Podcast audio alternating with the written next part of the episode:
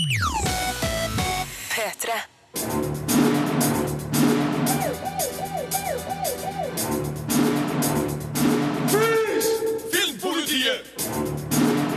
What's your name, dude? Eh, Birger Vestmo. What kind of stupid name is that? He Named Me Malala er en snill og grei dokumentar om, eh, ja, gjett hvem. Jeg anmelder filmen, mens Malala sjøl skal fortelle når hun sist kun slapp av skikkelig.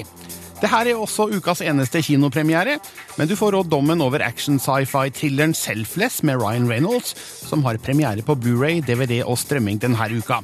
Du får førsteinntrykk av det gigantiske japanske rollespillet Xenoblade Chronicles X, anmeldelse av første sesongen av serien Transparent, vår mening om gårsdagens Golden Globe-nominasjoner, og om du har lyst til å vinne et Star Wars-vaffeljern, må du òg følge godt med i dagens utgave av Og vi er bare fem netter unna Star Wars The Force Awakens. Jeg bare nevner det. Så jeg føler vi befinner oss i et lite sånn filmatisk vakuum akkurat nå. Eh, Bare én film har premiere i dag. Det er dokumentarfilmen He Named Me Malala, og den skal også under min lupe, selvfølgelig.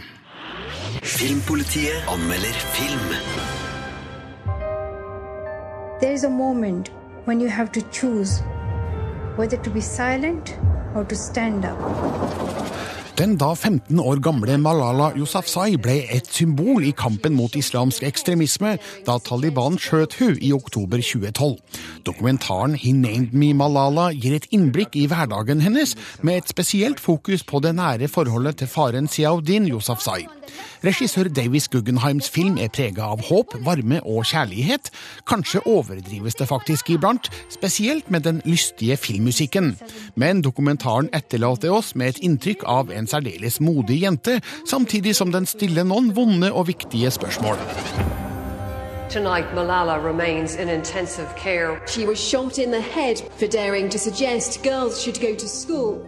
Filmen starter med et formgrep som gjentas med jevne mellomrom, nemlig en animert sekvens, der Malala gjenforteller en historie som faren fortalte hun som barn, om tenåringsjenta og folkehelten Malalai, som motiverte afghanerne til å kjempe mot britene i 1880. Det ligger klare paralleller i denne historien med Malalas egen, ikke bare i navnet, men òg i hennes rolle som en viktig stemme i Midtøsten. Det er en fin åpning, som gir ekko også seinere i dokumentaren. Animasjonen skildrer sekvenser som det ikke fins opptak av.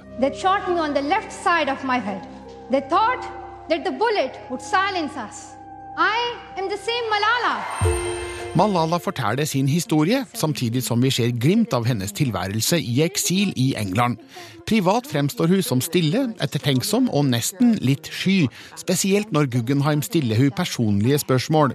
Når hun ler nervøst av spørsmål om gutta, forstår man at det er lett å glemme at denne verdenskjente aktivisten, som kjemper for kvinners rettigheter, fremdeles er ei tenåringsjente. Det merkes at Guggenheim pirker i hun, men unngår å konfrontere. Han kunne nok pressa hun hardere. Kontrasten er merkbar når vi ser Malala tale engasjert for et publikum, enten det er foran medborgere i Pakistan eller på en nobelprisutdeling. I'm still 17. Forholdet til faren Ziauddin Yousafzai skildres fint i filmen. Han fremstår som en ekstremt varm, vennlig og sympatisk person som elsker dattera si. Men han stiller sjøl filmens kanskje vondeste spørsmål. Burde han ha beskytta hun? Var det riktig å la hun kritisere Taliban for åpen mikrofon? Det konkluderes ikke med noe som helst, men som han sjøl sier, hadde han aldri trodd at de ville forsøke å drepe et barn.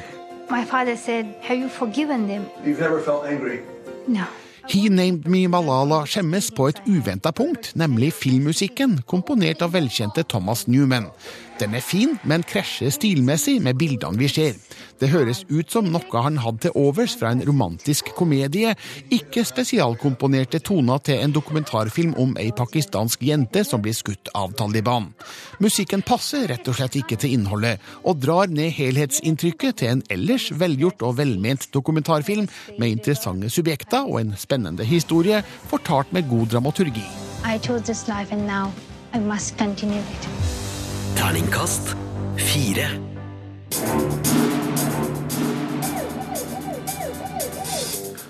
Nå skal vi tilbake til Malala Yousafzai, som altså er hovedpersonen i dokumentarfilmen He Named Me Malala, som har norgespremiere i dag. Hun ble verdenskjent for tre år siden da hun ble skutt av Taliban. De siste åra har hun bodd i eksil i Birmingham i England. NRKs London-korrespondent Espen Aas møtte Malala i forkant av denne dokumentarfilmpremieren, og spurte hun når kunne hun egentlig sist slapp skikkelig av. Oh, well, long, long ago, before Swat was attacked by terrorists, long, long ago. And uh, when Swat Valley situation changed, when terrorism came and when uh, girls could not go to school there, it was the start of this busy life. For når du er et verdensnavn alle skal ha en del av, et symbol for utdanning og for mye mer, og tidenes yngste fredsprismottaker, hvor mye er da igjen til et såkalt vanlig liv? I stay normal.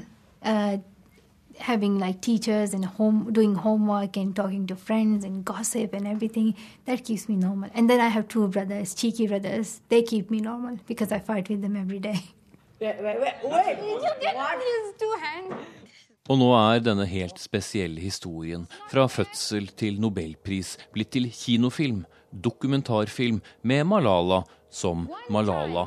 Men ikke bare den Malala som hele tiden snakker om utdanning for jenter. Også en som ser på kjekke tennisstjerner og erter brødreflokken. This is the laziest one. You see, look at the first impression. He's a okay boy. Og som 18-åring kan hun også nå foreta egne valg. You are 18 now. Where do you go from here? I I realized like now I'm an adult and what should be different in my life. But there was one thing that I learned from my childhood, which was to dream big. And I thought that most of our adults just forget to dream big. So I should continue to dream bigger. I de litt over tre årene som har gått siden Taliban forsøkte å drepe henne, har hun bodd i Birmingham. Selv om familien nå har skapt seg et hjem her, er det ikke helt som Swat-dalen i Pakistan. Uh, in England, I have received so much love, and I'm really thankful to people for their love, even though uh, it's always cold here. It's one weather, always winter, but I still love it. Selv om hun altså ikke har fått slappet av på veldig, veldig lenge. I chose this life. It was not forced on me, it was not told to me to live such kind of life. Filmpolitiet. Dette er P3. Malala Yousafzai ble intervjua av Espen Aas, og dokumentarfilmen He Named Me Malala har norgespremiere på mange, mange kinoer i dag. Som jeg var inne på litt tidligere i dagens Filmpoliti, det er da fem dager til Star Wars The Force Awakens har premiere. En av dem som gleder seg til det, det er, ja, det er meg, da. En annen som gleder seg til det, er han som står ved siden av meg her nå, i studio. Sigurd Vik. Åh, Birger. Vi har tenkt Fem om små dager. Fem små dager. Herregud, det er jo ingenting. Det er ingenting. Ei helg, det går så fort. Ja, det går så fort. Men vi skal, vi vi skal markere det her med noe litt spesielt. Eh, Du står med en boks i hendene. Jeg ser jo hva det er, men kan du forklare for lytterne hva det er du holder i? På denne litt tunge pappesker. pappeska så står det Star Wars øverst i hjørnet. Så står det Death Star Waffle Maker nederst, og så er det bilde av et vaffeljern som steiker dødsstjerne, eller Death Star-vafler. Sånn at du kan spise vafla di. Altså, det er jo en kombinasjon av noe av det beste i verden her. Vaffel og Star Wars. Ja, Rett og slett et eh, Star Wars-vaffeljern. Nydelig. Jeg tror vaflene vil smake utrolig mye bedre, faktisk, med Death Star-form. The force are strong in these ones, Ja, eh, regner jeg med man kan si på en reklame Men for dette produktet. Jeg Ja. får ikke ta den med meg hjem, og det får ikke du heller, fordi vi skal gi den vekk. Vi skal gi den vekk. For uh, den største glede her i livet er å glede andre, uh, sa min mor. Uh, og derfor så tenkte vi at vi skal ha en liten konkurranse. En liten øh, bakekonkurranse, rett og slett, som er veldig Star Wars-relatert. Nærmere bestemt, vi vil at dere skal bake Star Wars-pepperkaker. Og send inn bilde av deres øh, kunstverk til oss, enten på Instagram, der heter vi NRK Filmpolitiet, og der kan du også se bilder av det her, men da skal det være hashtag Filmpolitiet på bildet av Star Wars-pepperkaker, eller send det på mail til filmpolitiet alfakrøll.nrk.no. Der tar vi også imot bilder. Og dem som har laga det kuleste Star Wars-pepperkakegreiene, da, de eh, får jo det her eh, vaffeljernet, og der kan man være kreativ. Man kan lage sin egen helt enkle R2D2 med melis og blå Nonstop. Eller man kan lage dødsstjerna i eh, pepperkakehus-variant. En skikkelig 3D-runde, hvis man er såpass. Ja.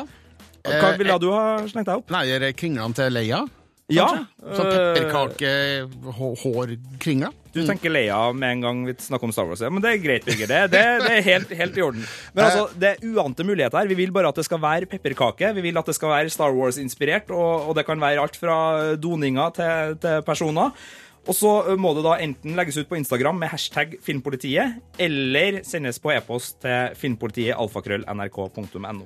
Og en henstilling her, ikke gå på Google Images. Nei, nei, nei. Altså, vi som nissen vet hvem som har vært snill og slem, så det er ikke noe vits i å prøve å jukse her, for vi kommer til å avkreve autentisitet fra, fra vinneren. Altså, vi, vi, vi vet.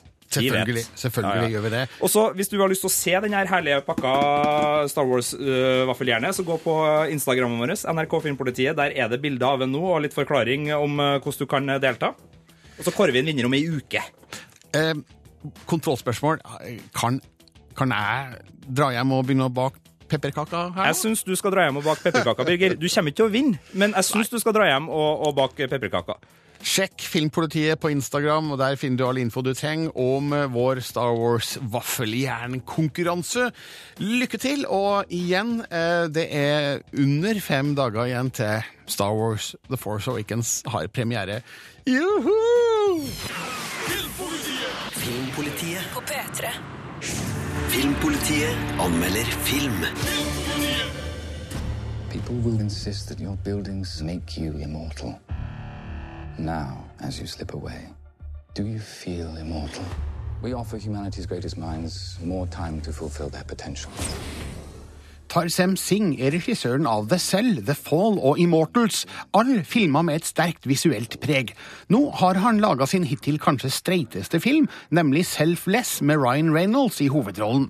Det er en tidvis spennende thriller med sci-fi-elementer, men plages av en uforløst historie, actionsekvenser av den enkle sorten, og skuespillere som kanskje ikke tror fullt og helt på historien de er satt til å spille ut foran kamera.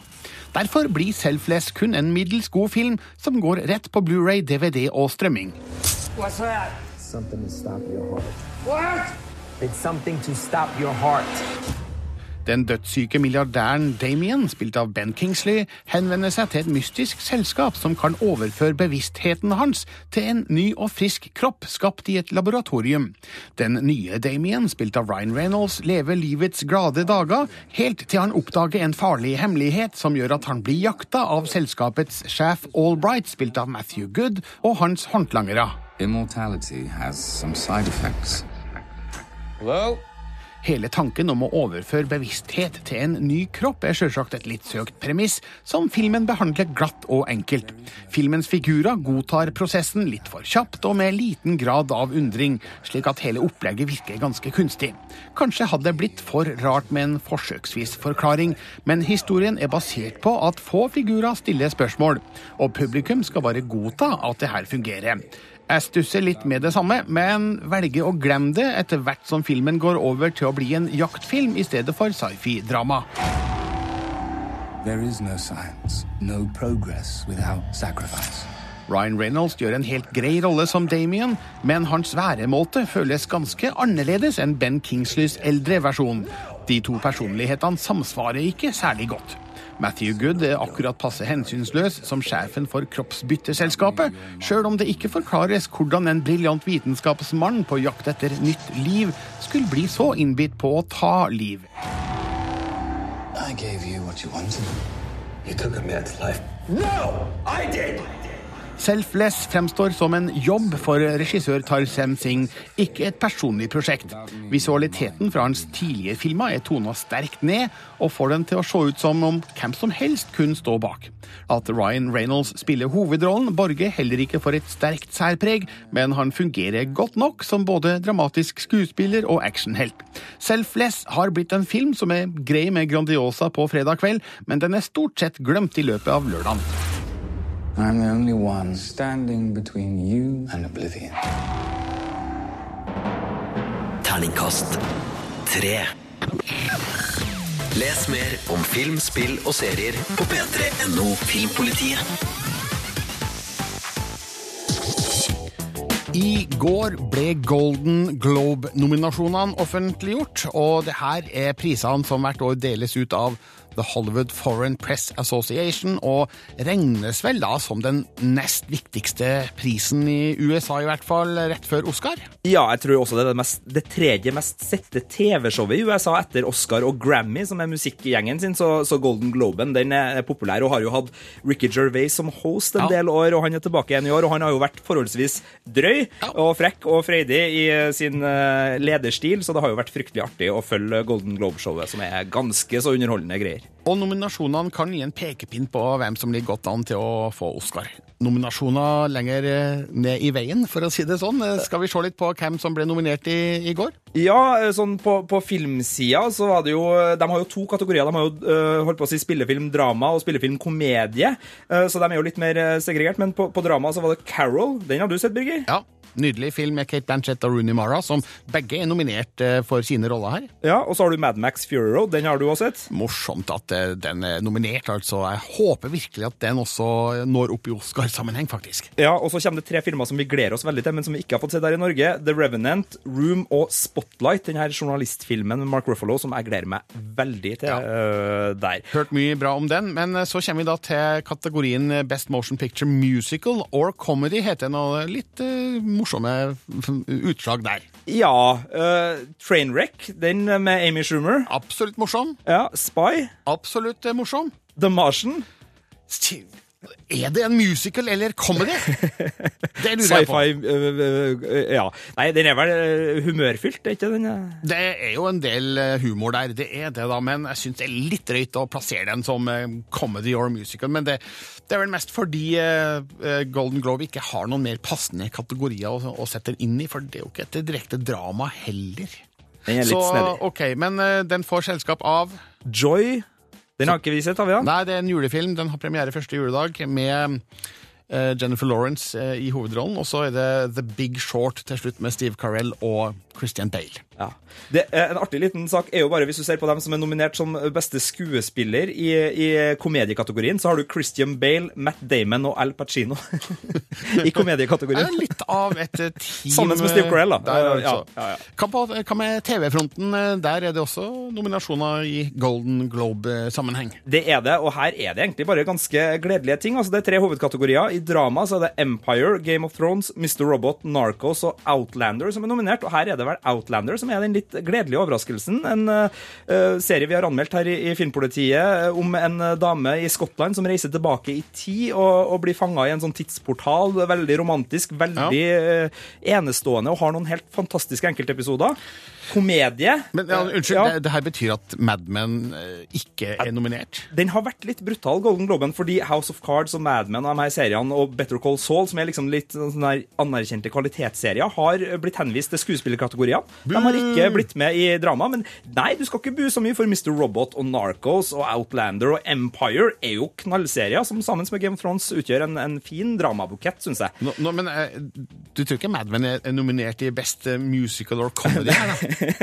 Nei, den er ikke der. Men Orange is the New Black er der, for det har jo blitt eh, definert som en komedie. Og der er også Transparent, som også er en sånn dramaserie som er humørfylt, eh, som også havner der, da. Som vi skal komme tilbake til litt senere i dagens Vi skal Filmpoliti. anmelde den sesongen der. Og så er det Silicon Valley, Veep, Casual og Mozart in the Jungle som utgjør resten der. Jeg savner Master of None. Den syns jeg var knallbra. Aziz Ansari sin eh, komiserie som kom på Netflix for litt siden. Men det er en personlig preferanse, så jeg gir Golden Globe-gjengen litt uh, linjens der. Les mer om årets Golden Globe-nominasjoner på p3.no Filmpolitiet. Og ja, det er nå jeg skulle ha sagt når prisene teles ut. Også. Jeg tror det er 10. januar. jeg. Ja, eh, vi bør kvalitetssjekke sånt eh, før vi går på Det er lista. sant, vi er ikke helt gode. Nei, men eh, takk uansett. Filmpolitiet.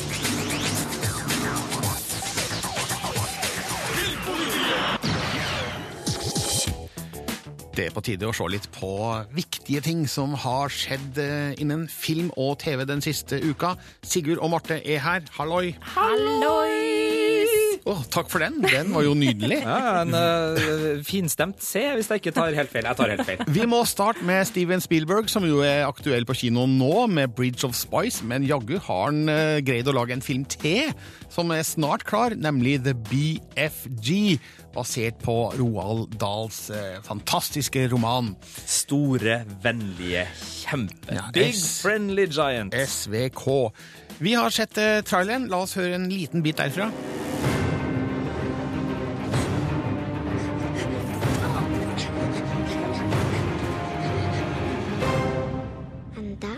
Where our story begins.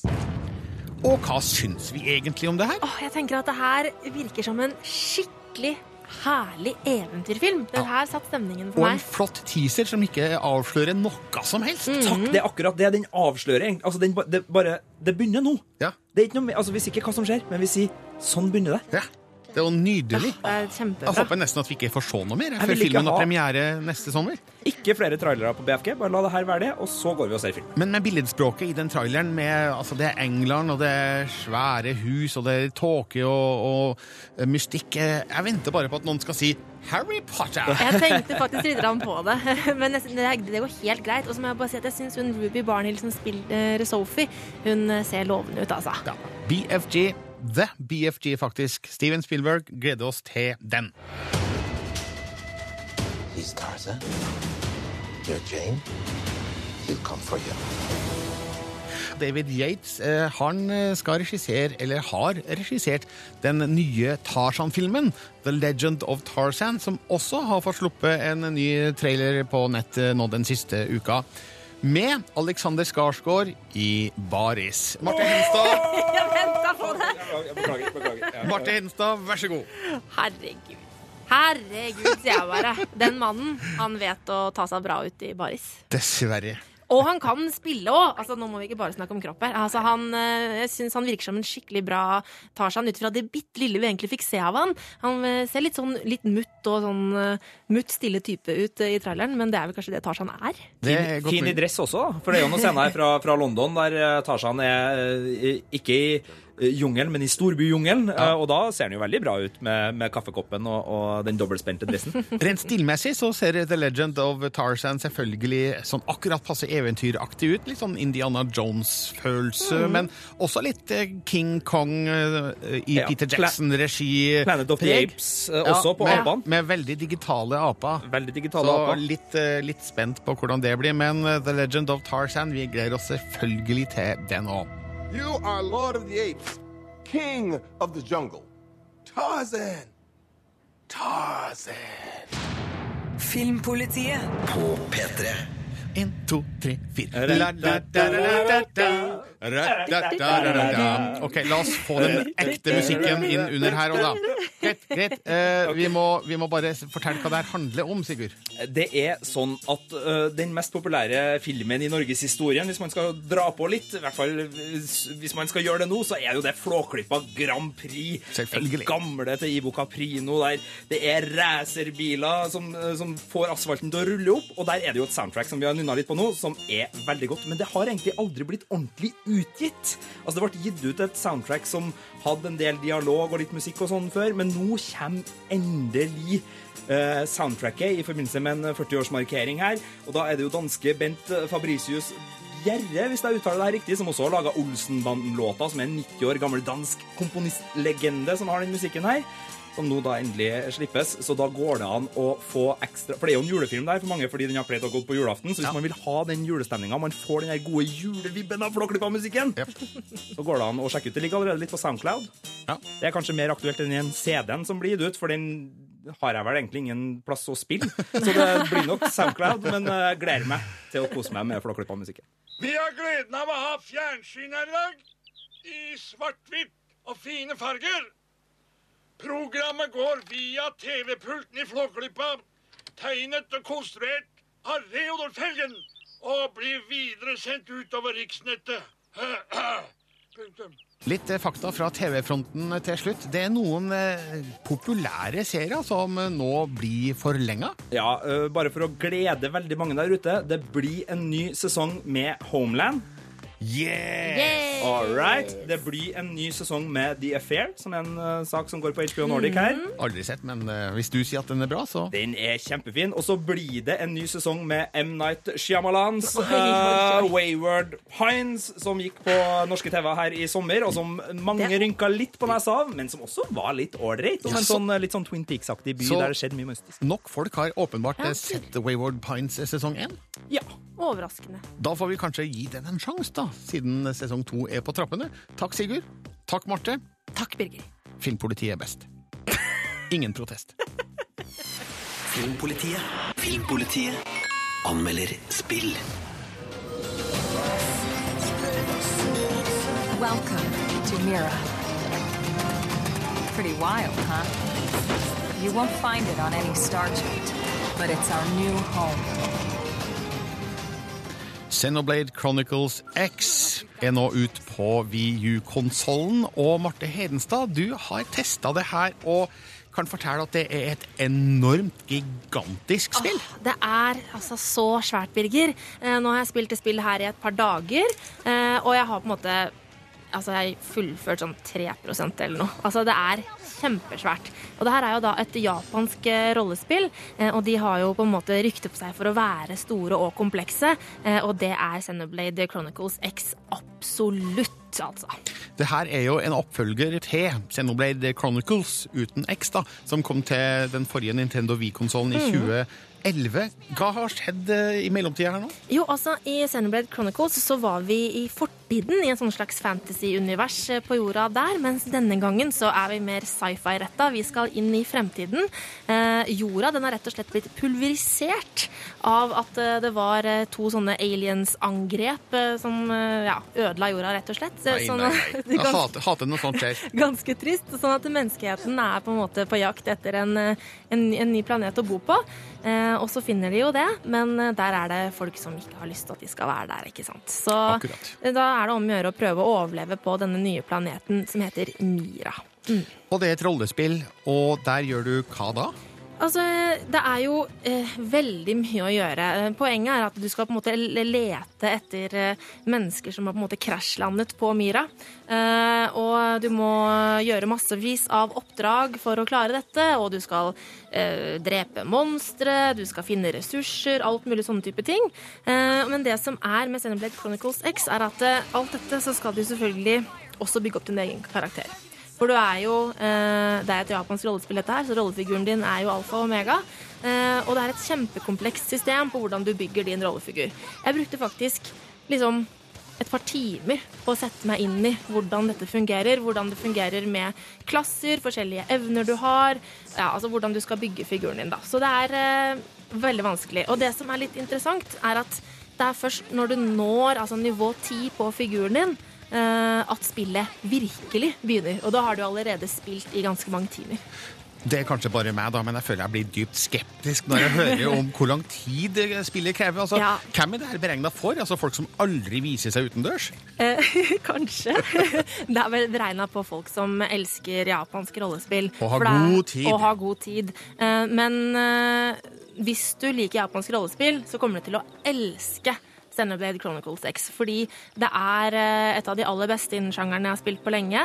Det er utrolig gjennomført, selv om det er eh, vanskelig å, å sette seg inn i. Så når du endelig får til det, så vil du få veldig mye igjen for strevet. Og det er en veldig spennende historie.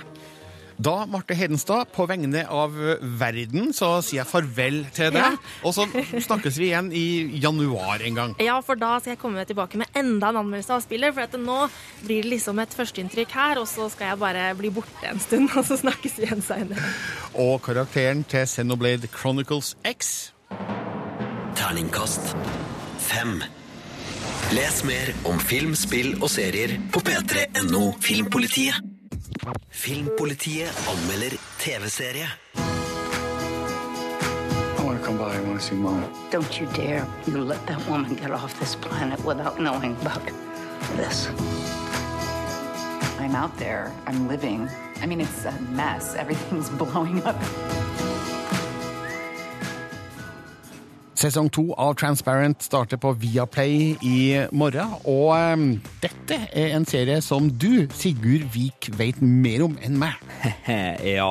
Det er en serie som i sin eh, første sesong uh, fikk både Golden Globe for beste komiserie og Jeffrey Tambor, kjent for mange fra Arrested Development. Han spiller hovedrollen her. Han fikk eh, både Emmy og Golden Globe for sin rolle som Mora Pfefferman, eller Mort Pfefferman, eh, litt avhengig, for det her er snakk om en eh, familiefar som står fram for familien sin som transperson eh, godt opp i åra. Han har jo levd da et liv opp igjennom der han har eh, reist bort for å leve ut denne sida av seg sjøl. Det har han på en måte innsett at eh, ikke er forenlig med det gode liv, så han står da fram i sesong én for sin familie gradvis. og eh, det her er en familie med ganske rikt rollegalleri og ganske eh, ja, holdt på å si markante personligheter. Så, okay. det, så det er det her familien vi følger, da, og, og, og det som syder opp rundt den. Makter sesong to å matche suksessen til mm, første sesongen? Så definitivt. altså Det her er stemningsfullt, det er vakkert. altså Det er en vakker og viktig historie i midten her som, som står fjellstøtt. Og så er det utrolig mye god dramatikk rundt. Det er nesten rart at det her kalles en komedie, for det er vel så mye en dramaserie, men denne familien er full av jeg vil si de beste meltdowns vi får på TV om dagen. Altså Det er så mye dramatikk her, eh, ut fra små hverdagslige situasjoner, som er spilt godt. Altså Det er så gode skuespillerprestasjoner, og de er så plottrike. Altså Ethvert sammenbrudd, f.eks. hvis ja, Skal man spoile ting her, da? Ja, altså, Kanskje ikke. Nei, man skal kanskje ikke det, så jeg, så jeg vegrer meg litt for det. Men altså, det er de dagligdagse ting i en storfamilie som, som blir utrolig snedig, også fordi de er veldig egoistiske, de her menneskene i denne familien. Altså, de er hjertevarme, gode mennesker som vil andre godt, men de er også veldig opptatt av seg sjøl. Og dermed så blir det en sånn runddans av egoisme som er helt nydelig å se på. Litt som alle oss andre, da, egentlig. Absolutt, og den tar så mye på kornet. Altså, det, er ikke en, det er selvfølgelig en serie om Maura Pfefferman og hennes uh, liv som transperson og alle utfordringene hun støter på, men den er så mye mer enn det. Og musikken, estetikken, det er, no, det er noen scener her, Birger. De er så vakre at det er til å gråte av. Okay. Altså, det her er øh, seriekunst øh, anno 2015 på sitt aller, aller beste. Sesong to av Transparent starter på Viaplay i morgen, altså ikke på lineær TV. Det tror jeg ikke. Den er på Viaplay, rett på strømmetjenesten Ja. Viaplay der, øh, ikke innom noen noe vanlige bokser. Og skal vi høre karakteren du gir Transparent sesong to, da, Sigurd Vik? Terningkast seks. Oi! Ja, er ikke det bare greit, da? Det, var på det de- håper jeg. Det er de tre første episodene vi har sett. Altså, det er klart, eh, det her er førsteinntrykket, men eh, det ser helt nydelig ut. Wow. Det var litt av en anbefaling, Sigurd. Takk. Filmpolitiet. Dette er P3. Villmark 2 er ut på Blu-ray, DVD og strømming bare to måneder etter kinopremieren. Derfor får du et gjenhør med min anmeldelse. Filmpolitiet anmelder film. Her har det ikke vært folk på en stund. Vi har tre døgn på å gjennomsøke 312 rom. Og fire kilometer med asbestisolerte rørgater. Villmark 2 er en frittstående oppfølger til regissør Pål Øyes thriller fra 2003. Historiene har kanskje ingenting med hverandre å gjøre, men den gjennomførte klaustrofobiske atmosfæren er omtrent den samme.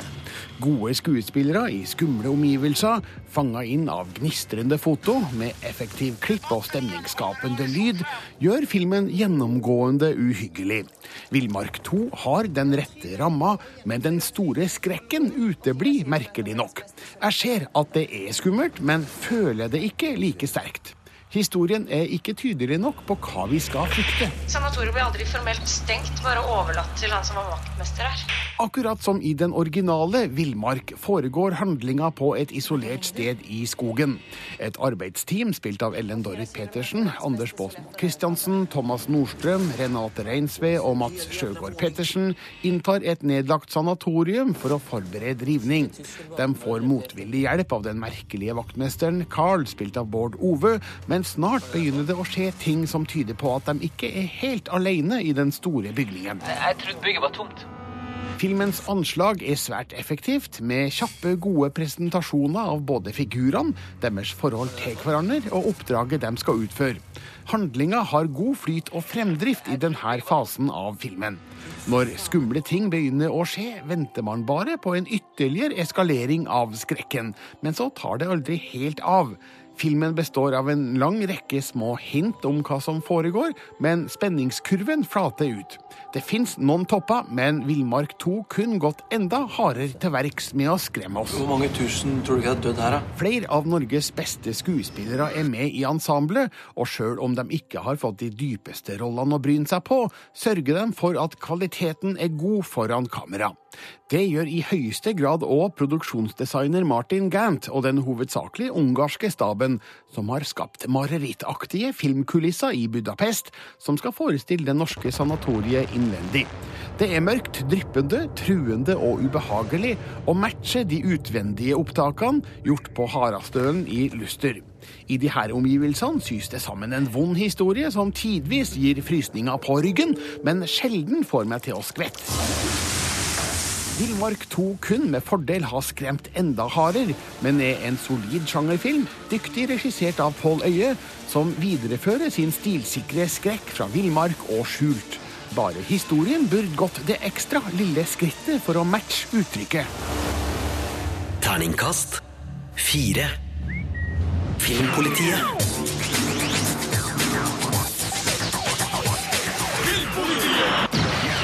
Nå er altså Villmark 2 tilgjengelig på Blu-ray, DVD og strømming. Filmpolitiet på P3.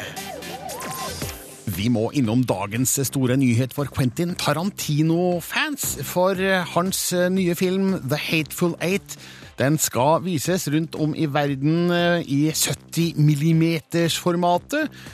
Og en av de salene befinner seg i Norge, Sigurd Vik. Ja, det er Filmens hus i Oslo som har en 70 mm-sal, eller altså en sal der det er mulig å vise 70 mm-film. Og Tarantino har personlig da godkjent denne salen som en av de som får lov til å vise den analoge 70 mm-versjonen, som er litt lengre, ikke Birger? Ja, den er seks minutter lenger, har jeg lest i Variety, så den er litt utvida og litt uh, annerledes klippa da enn den digitale versjonen som de fleste da vil se på kinoer rundt om i Norge. Ja, det her er jo kino for kinoentusiaster. Ja. Altså god, gammel, analog 70 mm-film. Ja, det er en hellige gral for uh, kinointeresserte. Men uh, skal vi kanskje bare forklare hva 70 mm er? For det finnes kanskje de som aldri har hørt om det her? Det er, kan man. Vanlig film, sånn som man så på kino for en del år tilbake, var 35 mm-film. Det var altså ganske gode bilder. Da snakker vi om bredden på, vi om bredde. på filmrullene her. Og det her er jo da enda større bilder, hvor det er plass til enda mer informasjon, og de er enda skal vi si, bedre oppløsning uh, på, på 70 mm.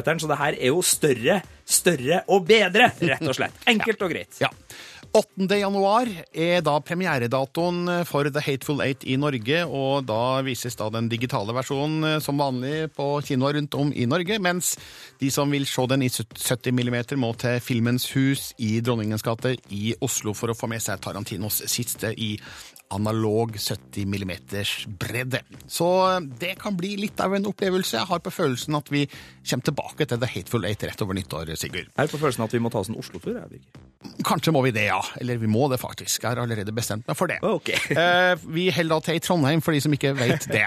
Eh, det nærmer seg slutten på dagens sending. Vi skal da bare kort minne om vår Star Wars-vaffeljernkonkurranse. Det er en konkurranse der du skal bake pepperkaker, og så kan du vinne vårt fantastiske Star Wars-strykejern. Uh, Gå inn på Instagram, der ser du bilde av uh, strykejernet. Det er på NRK Filmpolitiet. Og så er det bare å merke bildene av pepperkakene du lager som har Star Wars-motiver, med hashtag Filmpolitiet, så er du med i konkurransen. Glitrende. Gå inn på p3.no Filmpolitiet for å lese alle våre anmeldelser og andre ting. Der finnes også podkasten etter hvert. Og så får du ha en skikkelig fin fredag og helg. Filmpolitiet. Hør